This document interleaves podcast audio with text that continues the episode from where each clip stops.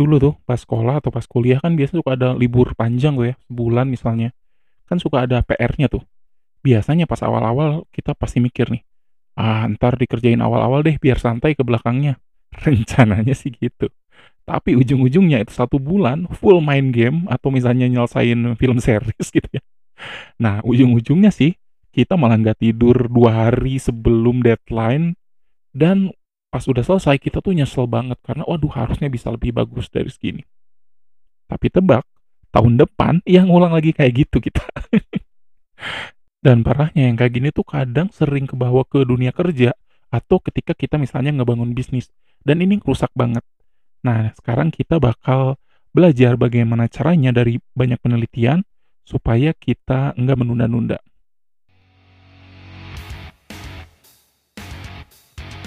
Business BS.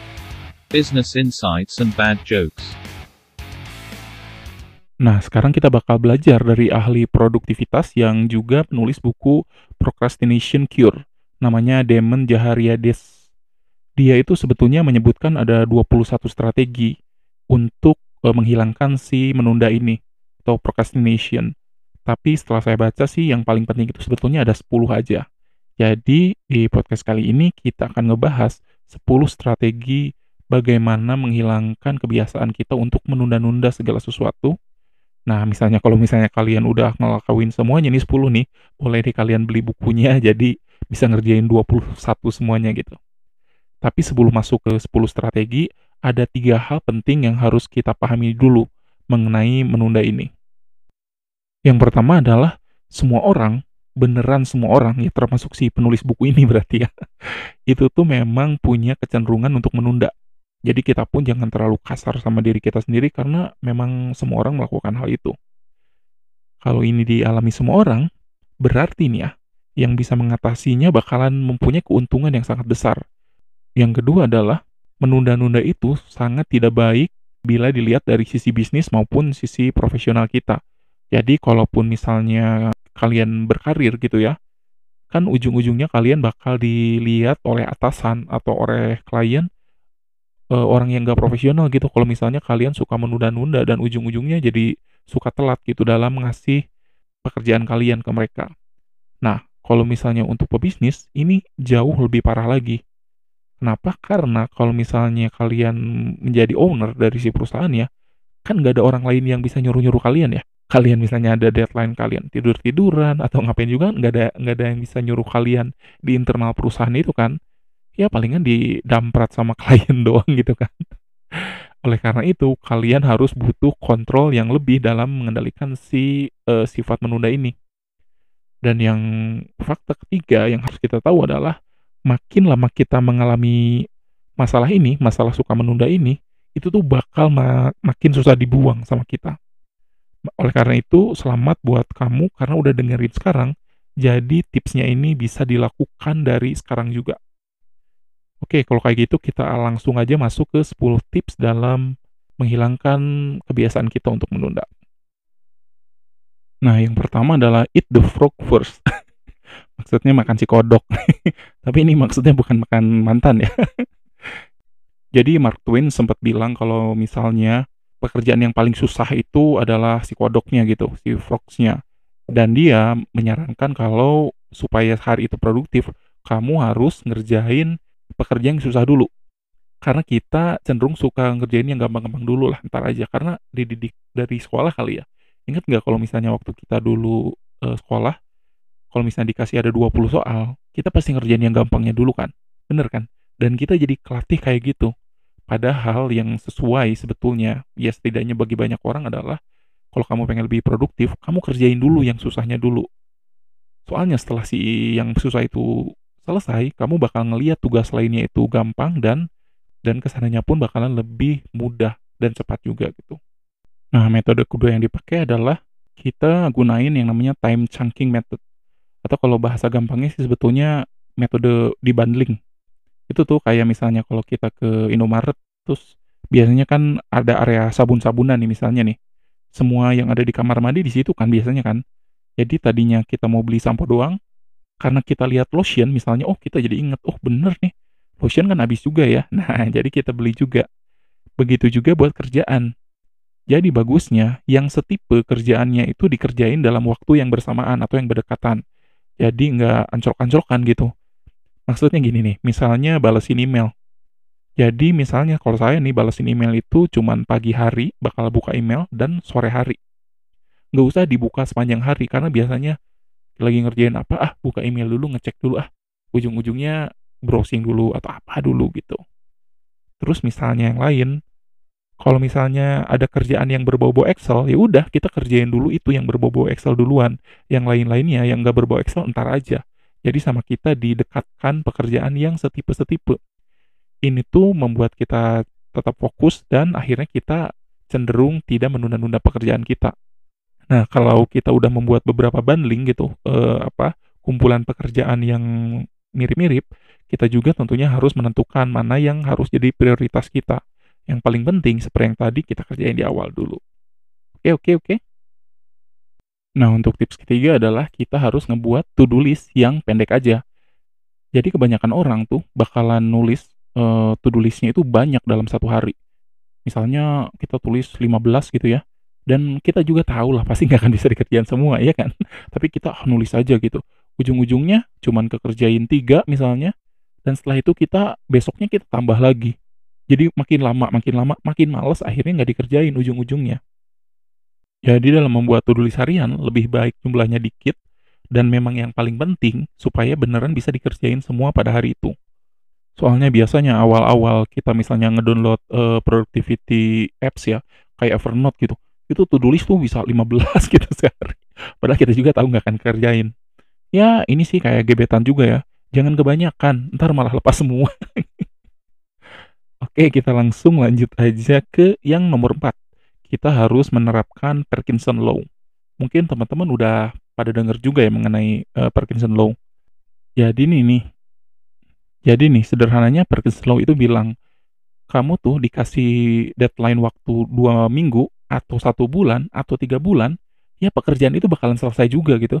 Kalau dikasih deadline seminggu bakalan selesai seminggu, dikasih deadline tiga bulan dikerjain tiga bulan, dikerjain setengah tahun mungkin ya bakal selesainya setengah tahun juga. Nggak akan bakal lebih cepat oleh karena itu kita harus ngebikin uh, batasan untuk diri kita sendiri.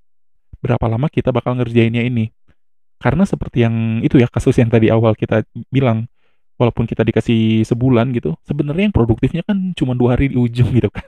Oleh karena itu kenapa kita nggak ngebatasin ya udah deadline-nya dua hari. Kenapa harus satu bulan? Kenapa bisa kayak gitu? Soalnya dengan adanya waktu yang lebih sedikit, kita itu bakalan jauh lebih fokus. Dan dalam hati kita juga sebetulnya udah tahu ketika misalnya ngelihat satu tugas, wah ini sih sebetulnya dua hari aja selesai. Makanya kita cenderung menunda-nunda. Oleh karena itu, ya lebih baik kita kasih deadline yang secukupnya aja gitu, nggak usah dipanjang-panjangin. Ya sama aja sih, kayak deketin orang gitu ya sebetulnya kan dideketin sebulan, dua minggu, atau setahun juga sama aja hasilnya kan. Kalau misalnya suka mah pasti nyangkut, kalau enggak ya lama-lama juga enggak akan pernah gitu. Kalian masih suka bohongin diri sendiri sih. Nah, sekarang kita akan masuk ke tips nomor 5. Jadi enaknya nih, yang menentukan deadline itu adalah orang lain atau pihak ketiga, jangan kita sendiri. Karena kita sering kali uh, gagal ketika kita pengen memenuhi deadline, kalau kita sendiri yang memenuhi apa kalau kita sendiri yang ngebuat deadline-nya sering aja tuh aduh kayaknya ntar aja deh kan masih ada juga ya. Tapi ketika orang lain yang menentukan deadline mau nggak mau kita harus ngikutin deadline tersebut karena kita kan bertanggung jawab sama orang itu ya. Dan tentunya deadline itu harus spesifik ya tanggalnya segini misalnya jam segini. Dan tips nomor 6 adalah supaya nggak menunda kerjakan di saat energi kita lagi tinggi-tingginya. Maksudnya gimana sih jadi menurut salah satu penulis, selain kita harus mengatur jago mengatur waktu ya, kita juga harus jago mengatur energi. Kenapa? Karena energi orang itu beda-beda puncaknya itu kapan. Jadi kan contohnya aja nih, ada yang enak kalau misalnya belajarnya malam-malam. Ada juga yang kalau belajarnya pagi-pagi, soalnya kalau malam nggak bisa konsen. Ada juga yang belajarnya subuh-subuh misalnya. Jadi tiap orang itu beda-beda. Dan kita harus mengenali kita itu optimalnya atau energinya lagi tinggi-tingginya itu kapan biasanya sih dengan mengamati uh, tingkat energi kita atau tingkat fokus kita dalam waktu dua minggu aja kita sebenarnya udah tahu kita itu eee, sangat efektif atau energi kita sangat tinggi itu kapan, dan ya itu, kita supaya lebih produktif kita ya kerjainnya pada saat kita lagi energinya lagi tinggi. Dan tips nomor 7 adalah kita harus bekerja di mana lingkungannya itu nggak ada distraksi. Jadi misalnya nih kalau di kamar kita ada TV, ya kita langsung lihat bentar-bentar ya kayak gitu. Terus kalau di pinggir meja belajar kita ada handphone misalnya, kita kan pasti cenderung, aduh, apalagi lagi kasmaran, buka WhatsApp, bentar-bentar buka WhatsApp. Soalnya nih, dari liatin story orang nih, story IG misalnya, itu ujung-ujungnya bisa stalking satu kampung tuh, emaknya, adiknya, teman sekolahnya. Jadi termasuk distraksi digital juga untuk sa untuk saat ini justru ini kayaknya salah satu yang paling mengganggu ya buat banyak orang. Oleh karena itu, kalau misalnya nggak pengen menunda dan lebih banyak produktif hal produktif yang dilakukan, ketika kita mau ngerjain sesuatu lebih baik benerin dulu lingkungannya supaya nggak ada distraksi. Bahkan hal kayak laptop pun kalau misalnya ngerjainnya kita memang harus dikotret-kotret di kertas gitu atau misalnya pengen belajar sesuatu dan ada di buku, ya udah laptopnya matiin dulu aja. Karena lingkungan yang tanpa distraksi itu bakal menciptakan lingkungan yang jauh lebih produktif juga dan tentunya bakal mengurangi sifat menunda-nunda kita. Nah, untuk tips yang kedelapan, kita harus mengerjakan satu hal dalam satu waktu. Artinya nggak ada multitasking. Kenapa? Because multitasking doesn't work. Soalnya kenapa? Ya walaupun orang banyak yang apa ya mengglorifikasi multitasking, sebetulnya kalau dilihat dari sudut pandang produktivitas itu tuh nggak banget gitu. Kan kenapa? Karena yang multitasking itu biasanya bakal mengurangi fokus kita, membuat kita terdistraksi oleh yang lain, terus bakal mengurangi apa bakal sorry bakal menambahkan tingkat kesalahan kita juga karena kita kan nggak nggak fokus ya dan ujung-ujungnya bakal ngurangin produktivitas. Dan tentunya kita pun bakalan jadi menunda-nunda. Tapi sebetulnya hal yang paling penting yang harus disoroti dari multitasking itu biasanya itu ada kemungkinan kita malah ngerjain atau fokus ke hal yang bukan hal yang penting. Hal yang remeh-temeh tapi gampang. Karena kan manusia memang ya termasuk saya cenderung pengen ngerjain yang gampang-gampangnya dulu. Setelah itu e, baru yang susahnya. Nah, ujung-ujungnya yang paling utamanya nih, yang paling pentingnya jadi nggak kekerjain sama sekali. Oleh karena itu, ya kita harus fokus satu pekerjaan pada satu waktu tertentu. Dan usahakan yang kita fokus ini adalah yang paling pentingnya dulu. Ya, memang, tapi memang suka banyak nih sih emang. Misalnya, contohnya ini ya, kalau misalnya kita lagi ngegebet satu orang nih, yang utama, eh tahu-taunya adik kelas nge-WhatsApp atau eh tahu-tahu teman kerja ada yang nge story. Akhirnya jadi banyak uh, chatting sana sini. Nggak fokus ujungnya. Jadi sekarang kita bakal masuk ke tips nomor 9 jadi menurut buku ini salah satu yang harus kita lakukan adalah kita harus mengadakan evaluasi atau diaudit gitulah ya. Satu minggu lah satu kali minimal jadi kan ketika di awal minggu bagusnya tuh kita ngasih beberapa apa ya hal utama yang bakal kita kerjain nih supaya nggak ditunda-tunda. Nah ketika di akhir di akhir satu minggu itu kita evaluasi mana aja yang nggak kita kerjain, mana yang kita kerjain, terus kenapa. Di situ kita bakal jadi lebih belajar dan bakal lebih memahami diri kita sendiri. Karena terkadang banyak hal yang nggak kita sadari nih. Misalnya tugasnya ada empat nih, satu dua tiga empat setelah kita perhatiin selama tiga minggu, ini tugas yang berhubungan dengan Excel kok nggak kekerjain terus ya? Oh, berarti memang gara-gara saya nggak pede dengan Excel, jadinya dientar-entarin aja gitu. Tapi kan yang namanya kerjaan harus tetap diselesain kan. Oleh karena itu, kita pun jadi tahu, oh kalau gitu berarti saya harus improve kemampuan saya di bidang Excel gitu misalnya. Satu hal yang harus digarisbawahi mengenai tips ini adalah kita harus jujur jujur sama diri sendiri ya kadang susah juga ya emang. Jadi kita harus selalu mengingat kalau pengen ada kemajuan langkah pertama adalah kita harus jujur mengenai kondisi saat ini. Jadi kalau misalnya dia ketahuan udah nggak mau jangan sosokan berharap deh. Atau kalau misalnya kita tahu kita mau sesuatu terus nggak kebeli ya udah pas kita lihat rekening aduh nggak cukup nih duitnya. Ya udah nggak usah maksain ngutang-ngutang segala. Atau kalau misalnya di sepak bola nih kalau misalnya MU bapuk ya udah jujur aja nggak usah ngomongin masa lalu masa lalu jadi ngelantur jadi intinya tentuin target terus evaluasi target tersebut setiap minggu supaya tetap ada perkembangan dari waktu ke waktu. Nah, sekarang tips yang nomor 10 adalah kita harus nge-breakdown tugas yang gede itu jadi tugas yang lebih kecil. Jadi misalnya nih, target kita adalah ngerjain skripsi. Wah, itu kan kesannya gede banget gila gitu kan. Ya udah kita potong-potong aja. Jadi kita ngerjain bab satu dalam satu bulan nih misalnya. Bab dua satu bulan berikutnya. Bab tiga satu bulan berikutnya. Misalnya kayak gitu ya.